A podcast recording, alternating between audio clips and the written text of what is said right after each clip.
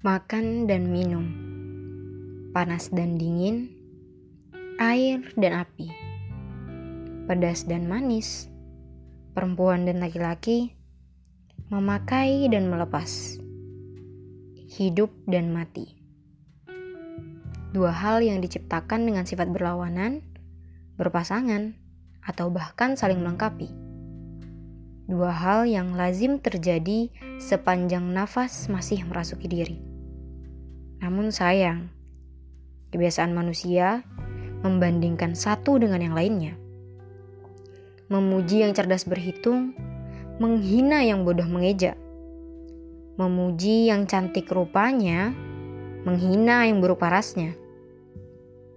Sayang, kita sering kali hanya melihat satu sisi dari puluhan sisi yang mampu kita lihat dari eksistensi seorang manusia. Ya, kita sering lupa bahwa bintang tak akan terlihat indah di langit siang, tapi malam yang gelap yang mampu membuat bintang terlihat istimewa. Memiliki tak akan sempurna tanpa memberi. Hidup tak akan bernilai jika tak berakhir dengan mati.